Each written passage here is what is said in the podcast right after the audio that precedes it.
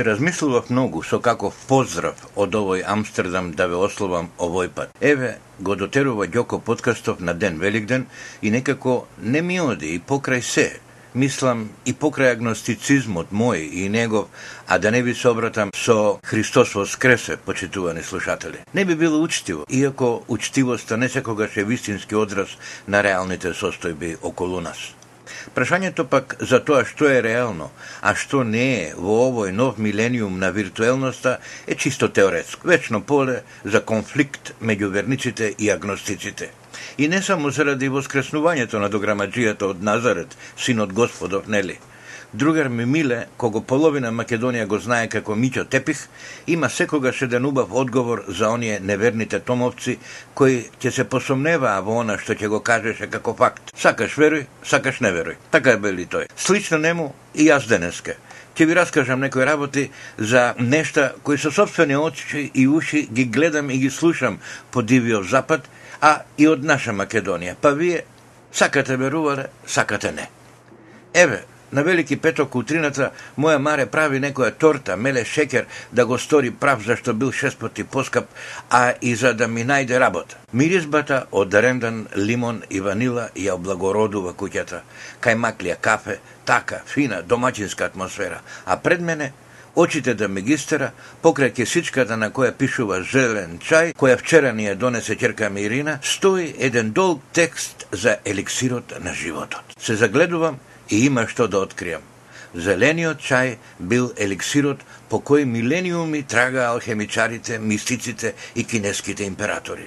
Зелениот чај давал виталност, среќа и бесмртност. Не е ова реклама на Скопски Веро или Тинекс да појдете и да побарате да си купите зелен чај. Гледам дека сериозни луѓе нурка да откријат што се крие во длабочината на пораката што ја обзела цела Америка. Зелениот чај бил како некој вид јога во филџан, дринк за секој миг, за наприеми, за на работа, за мејана, за подома. Кога ќе запнат, Америте се како питбул териери.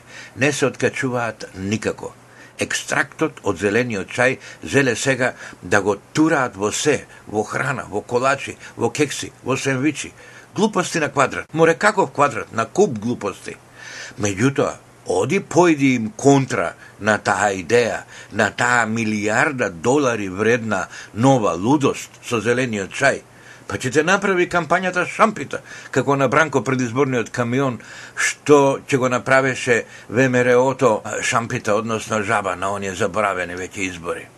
А во Кина и во Јапонија зелениот чај се пие топол, концентриран, во мали филџанчиња, како кај на струско кафе во Америка, кај што е се големо, нормално се пие во едни големи пластични чаши. Има тамо една, една цела верига а, кафеджилници, Старбак, тие го сервираат сега на големо.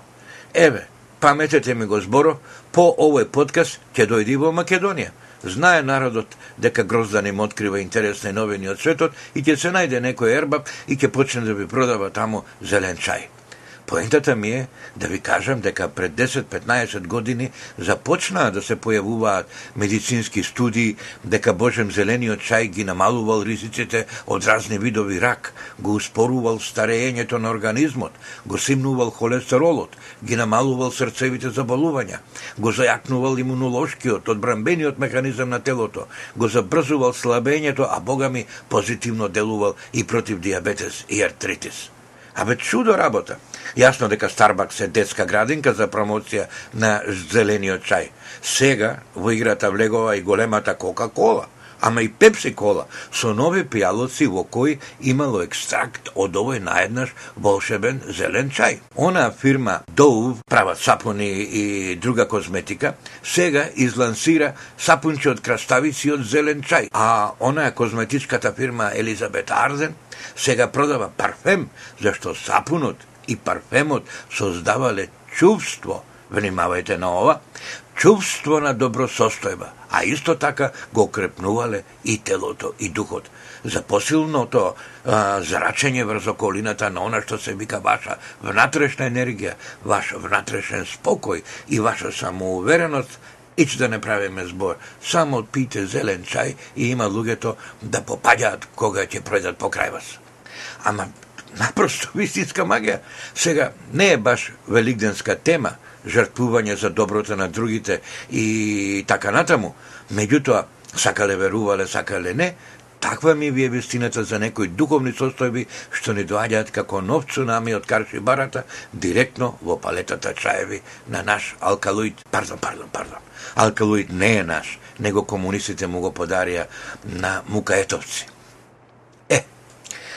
Бев завчера во Хаг да видам што има старо ново во трибуналот пред почетокот на судењето на Љубе Бошковски и Јохан Трчеловски идниот понеделник. Си велам, може би и низ престолнината на светската правда, ова е Хаг, нели, ќе има некој од оние постери што ги лепат низ Скопје по повод процесот што ќе се држи овде во Хаг. Не видов ни еден таков постер. Од она што се гледа и што се најавува, произлегува дека судењето на нашиве двајца незречни луѓе ќе биде досега најголемата фарса. Мижи татара што Карла Дел Понте се осмелува да ја изведе пред очите на целиот свет. Немала пари. Ова е прв колку што јас знам таков изговор, да ги донесе сведоците да се соочат со судот, со обвинетите и со нивните адвокати. Затоа ќе се читале нивни писмени изјави. Ова е повеќе од колку шарада за фарканција со правдата. Мислам дека целата 10 годишна работа на трибуналот оди зијан и не ми е разбирливо толкави судии, светски познати имиња, се во ова да и го толерираат на Карла Дел Понте. Па каде е правото на обвинетата страна да ги распрашува сведоците на обвинувањето? да докажува дека исказите им се неточни. Сведоците на обвинението може да мамат како што им ја волја. Нема казна за лажно сведочење. Нема ниту закана против лажно сведочење. Ако одбраната не внимава, отиде да обвинети од Јабана на база без основа, на лага, на фалсификат. Сакаш веруј, сакаш не веруј. Како што ви реков а, уште на почетокот. Ама не може така во трибуналот, ќе речете. Може, може. Па целиот тек на судењето се реме. Како ќе го прашате сведокот кого го нема? Каков телесен јазик ќе употребите како адвокат наспроти сведок кој што не ја кажува вистината. Како директно ќе му кажете, погледете го ова, ве молам, кога го нема човекот, нема сведок. Ова ме тера да ви изнесам една потресна слика од трибуналот од пред неколку години. Чувствувам како полека паѓа Слободан Милошевиќ во занес. Тоа го чувствував тогаш во занес зашто му изнесоа сведок етнички албанец со коса разлетана до раменици, како грива, целиот обраснат во густа брада која му започнува од јаготките на лицето, нема парче кожа да видиш, свен само тенките усни под мустаките, а наоколу брада и така натаму. Ама за два Карл Маркса бради може да истрижеш од тојга. На очите едни од оние Рей Чарлс наочари, ниту белката до окото не му се гледа. Ништо не се гледа, како маскиран. Слобода Милошевич вели дека не верува дека за тие коса и бради се наоѓа оној сведок кого му го представуваат по книги. Можеше да го набуди таквиот сведок. Тој ќе ги надмудрува сите, господин Милошевич, нели? И ќе докажува дека сето тоа било фарса. Од тоа и умре. Но, за сведокот да се вратам. Милошевич го прашува албанецот да каже кој диоптер на очила носи, од кога е тоа така и кој лекар го гледал и му и препишал диоптријата. Оној брадестиот не сака да одговори. Судијата му вели, одговарете, господине, или целото сведочење ќе ви го избрише. Звучи безпредмето, зашто помина, ама не е безпредмето. Тој со темните маскирни очила тврдеше дека со своји очи од 700 метри далечина гледал како четворица српски полицајци влегле меѓу 400 албанци и ги извадиле младите надвор за да ги стрелат. Е како гледаш од 700 метри и слушаше, а овде сакат и инвалидизиран доаѓаш? Прашува Милошевич, што е вистината? Така и со наш љубе. Треба Хари Костов да го нацртаа тука и колку време сведочи тој во полза на Карла Дел Понте и незиното обвинение толку време да одговара на прашањата на одбраната на обвинетиот Љубе Бошковски. Нема потреба од плакати лепење по Скопје во подршка на Љубе. Сега, за вестината на волја, нема ни зијан од тие плакати, иако, според мене, штетата од нив е колатерална. Нам ни се чини дека кој нешто прави за Љубе и за Јохан. Ние не сме ни свесни дека баш заради тоа, заради таа подршка, Љубе него пушти оној малтешки судија да се брани од слобода, ќе го скриеле нашите полицајци, ќе му помогале да побегне. Каде бе да бега, луѓе мои? Во Малта или Големта? Ова што го токми Карла Дел Понте е навредливо. Треба оној Кумановски сезнај кој Ѓорѓе Марјановиќ да собере десетина светски професори па да растресат некој теми околу трибуналот. Овде, во Хаг да дојдат. Треба да тука да собира овде колеги, да ги вика, да видат со собствени очи што е ова од Мики Маус судење. Треба нашите плакати по сите правни факултети на светот да се распродат, а не низ шутка и низ водно. Така треба, ама не може. Некој вистински професор треба да се замеша тука. А овие нашиве, никој не ги познава, колку што јас гледам, и за овакви теми не сакаат да зборуваат луѓето од вистинската наука, а тоа доволно кажува за вистинските шанси на Бошковски и Трчуловски. Згорена се, треба и личен однос према Карла и спрема судот.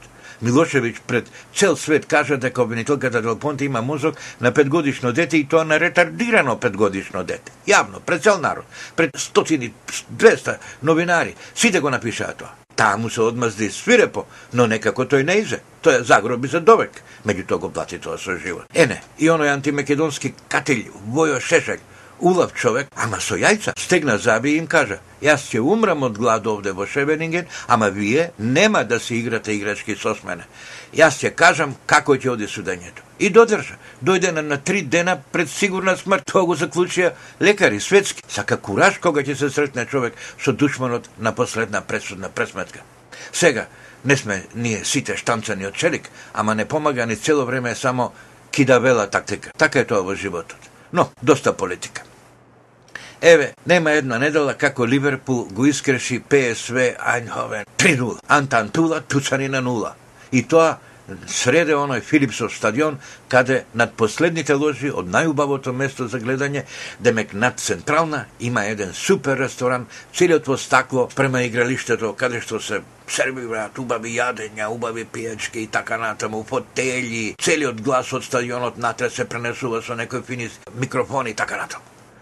На вакви средби, таму директорите на Филипс ножат важни муштерии. Еднаш, Бев така со едни такви важни муштери, што се викава Тони Пешев, сега од Ултра, оно истиот што е кум со Бранко Црвенковски, синот на мојата школска другарка Гордана Смилевска и на Кокан Пешев. Што е тоа муштерија? Еластиклија работа за Филипс. Сум бил таму многу пати, но најинтересно беше кога ги однесов на еден ручек Хари Костов, професорот Любе Трпески, што стана гувернер на Народната банка, оној Петру Штепанов, што беше а, министер за стопанство и споменатиот Тони Пешев, што тога беше министер за сообраќај комуникации. Да беше и оној Јане Милјовски, може би Скопје сега ќе имаш убава современа аеродромска зграда. Филипс даваше тогаш 4 милиони гулдени пари, гратис, божем за најем на една шупа за аеродромскиот паркинг, ама нашиве беа, како да кажам, ептен алчни некој дет. И ја растури заради Тони и Јане, Целата работа лично Бранко ги испрати петте директори на Филипс од кај него во малата сала со едно по ДХЛ ќе го испратиме подпишан договорот за аеродромите, господа. Слободно патувајте за Холандија. Луѓето, варени, па печени, знаат дека од тоа нема ништо.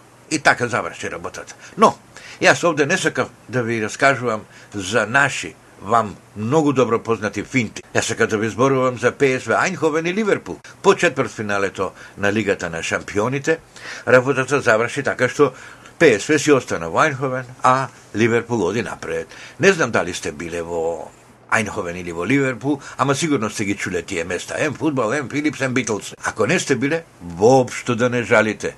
Ливерпул практично значи джигер бара, а до него има едно друго место, се вика Блекпул, што значи црна бара. И тоа се адути на британскиот туризам, а погледај добро, дупки. Да не беше Били Батлин, еден а, голем стручен за туризам, банкротира докажеш кекс, немаше да се знае за тој Блекпул. Глеј му име, крој му капа. Дојран за Блекпул е сан тропеве, молам. А Холандски Айнховен, мислите свети, мислите блеска некој град што врие со инженери и високи инженерки, бубачки и други зверки. Нема врска едно село да се обесиш од мака затоа што нема што да правиш со себе. Филип се тамо веќе 115 години. ПСВ, кратенката да стои за Филипсово спортско друштво, има 96 години. Стариот Филипс го формирал за да имаат работниците со нешто да се занимаваат. Па ете им дал да клоцаат топка. Ова е најуспешниот фабрички тим на целава планета. Синот на сајбијата, значи малиот Фриц, имал 5 години и ја шутнал првата топка на ПСВ. Човекот умре лани, имаше тркалезни 100 години и свое резервирано место меѓу рајата. Трибина Д, ред 22, седиште број 43. Со децени така. И таму заедно со малските другари. На вистина, не го измислам ова. Не се ту порече Фриц Филипс во оној ресторан и положите со буџите, не. Со народот, со неговите другари од мало. Е, Ајнховен е чудно место. Ни Ромарио, ни Роналдо, ни Нистелрој можеше да ги задржи. Ептен селско-провинцијска работа. Ене сега ги има Карлос Салцидо од Мексико, па еквадорецот Едисон Мендез од една ептен подлабока провинција од колку што е самиот Ајковен. И уште еден друг од Перу, Джеферсон Фарфан. Филипс праќа скаути из цел свет луѓе со око за талент. Ке видат некој таков што го бива или ќе го бидне за фудбал, ќе го купат ефтино и овде на рад во селото ќе го избрусат во светска звезда. Дури и директорот на Охридскиот аеродром, четврта виолина на триото Зоран Крсевски, Благоја Филиповски, Митко Кочовски, еднаш ми рече, Абе, ово е Айнховен за никаде, ко Охридом во флевуари, како да го беат шуре. Па еден генерален директор на Филипс реши да ја пресели централата во Амстердам и за една година повеќе од 400 коджамити директори, со се помошници, аменџи, инженери, книговодители, цела една централа на светска фирма, со се секретарките, ајде си ги распродадоа куќите во и околу Ајнховен и сите 160 километри на север во Амстердам. Ако останале во Ајнховен, ќе се сурнел до крај имиджот на фирмата пред светот. Никој не рече ни А, ни Б. Ако сакаш да си со Филипс, ќе одиш и ќе седиш кај што ќе ти се каже и нема да продаваш сурати на незадоволна примадона. Ако не сакаш, не ти го Реал Мадрид одиш. Во Филипс не може да си дојдат на себе од македонските бизнисмени и министри што тога ги носев јас таму. Еден нивен голем директор, Јан Схеперс, ми рече, јас сум видел многу свет низ планетава, ама како твојве, од премиерот, до ние во Охридската општина, волку намачкани, волку алчни и волку пребртли, е, тоа не сум видел. Гледај, Гроздане, барај си некој друг бизнис, не си ти нивна категорија, овие те шијат и тебе и мене. Филипс повеќе нема да работи со Македонија. Ај сега здраво и среќен ти пат. Така заврши мојата авантура со, со големиот Филипс. Потоа го носе Вајнховен, Ацо Симески со неговито житолукс. Сакаше со моја помош да, да го сврти околу малиот прст Дав. Тоа беше таа камиончикската фабрика. После ја купија американци. Ќе купувале но 30-40 доставни камиончиња од Дав и некои специјални пластични патентирани гајби за транспорт на печиво од една друга, тука соседна фирма. Зеда од две камиончиња, ги наджиджавме како елки со реклами, со тракатанци, со ниски цени, ќе кажеш бамба дела, одеа тие камиончињата не Скопје, меѓутоа тоа беше. Ни збор да речат од Житолукс, ниту пак самиот Симески, зошто не купуваат, дали цената не им чини, дали перформансите не се саглам, дали рентабилноста е лоша, ама ништо. Измамничка работа. Мисла дека се правело бизнис на тој начин. Укради патент, изгази доверба, не обзрни се, остави пустош зад себе и ај здраво. Се свртеа конгреција. Божем таму нашле црква за крстање. И се загробија, отиде Житолукс. Ајдучка работа. Не одам сега веќе во Ајнховен. Јас знам дека во рајот немаат Филипсови плазма телевизори, ама да има, стариот Фриц Филип сигурно ќе гледаше завчера како неговите губат. Ово е Ајнховен со Филипс и да пред повеќе години ми бе одзеле многу време и многу нерви, ама нема да ги пуштиме да ја пропастат денешнава епизода. Епте многу се зазборев а, со нив. Ебе сме при крајот на Великденскава епизода. Ние, нели, се разбравме уште на почетокот долж агностичко-религиозната демаркациона линија. Сега сме во доменот на нашата постојана завршна сторија на сите епизоди, IT, Information Technology. Цел свет веќе разбра дека ние, Македонија, сме прва земја на планетава со безличен супер брз броудбенд, кое село и до секој сејашки центар има интернет прска. Тоа е практично хардвер. Постои мрежа Одлично. Прашање е сега, за што се користи таа? Мене ми е значајно одовде да се чуе како се ползуваат погодностите и информативната технологија во демократизацијата на обштествата. Како може секој поединец или група луѓе лесно, ефтино или бесплатно, тоа малку потешко, зашто нема ништо бадијала на светот, да им соопшти на другите Еве што мислиме ние. Чујте што имаме искомпонирано. Погледате што правиме, какви слики имаме, какви скулптури. Погледате што креираме. Повелете купите што имаме за продажба. Елате научите нешто ново од нас. Или повелете кажете што имате вие да научиме ние од вас. Затоа понекога зборувам за концепти на интернетските содржини. Ете така, вчера во Скопје се врати Владко Милев од Радио Равел назад од Турција – пак му го одложиле читањето на пресудата за тоа сообраќајката што имаше минатата година, па додека разговаравме за некои негови идеи, настојував да земе да го врзе Радио Равел, нели популарна радиостаница, колку може повеќе со интернетот. Не знам дали сте чуле за Last FM, една интернет друштвена адреса, ја лансираа тројца другари пред некоја година во Лондон, а сега веќе има над 2 милиона слушатели месечно. А за што станува збор? За интернет радиостаница на која уредниците имаат содржини за сечи вкус. Одбери што сакаш и ете ти го стримот. Тече. Концепт едноставен како граф. Избор како на пазар. Средиле луѓето да може да си аплодуваат фотки, да купопродаваат наслови на песни, да комуницираат, иако главно се е музика. Имаат 1 милион наслови за слушање да изберете. Поинаква варијанта е Pandora.com, радио, всушност еден мюзик джином проект. Но, се во ова е концепт, содржина, ниту хардвер, ниту софтвер. Меѓутоа многу ефикасна работа, ослободува огромна количина енергија, во случај позитивна.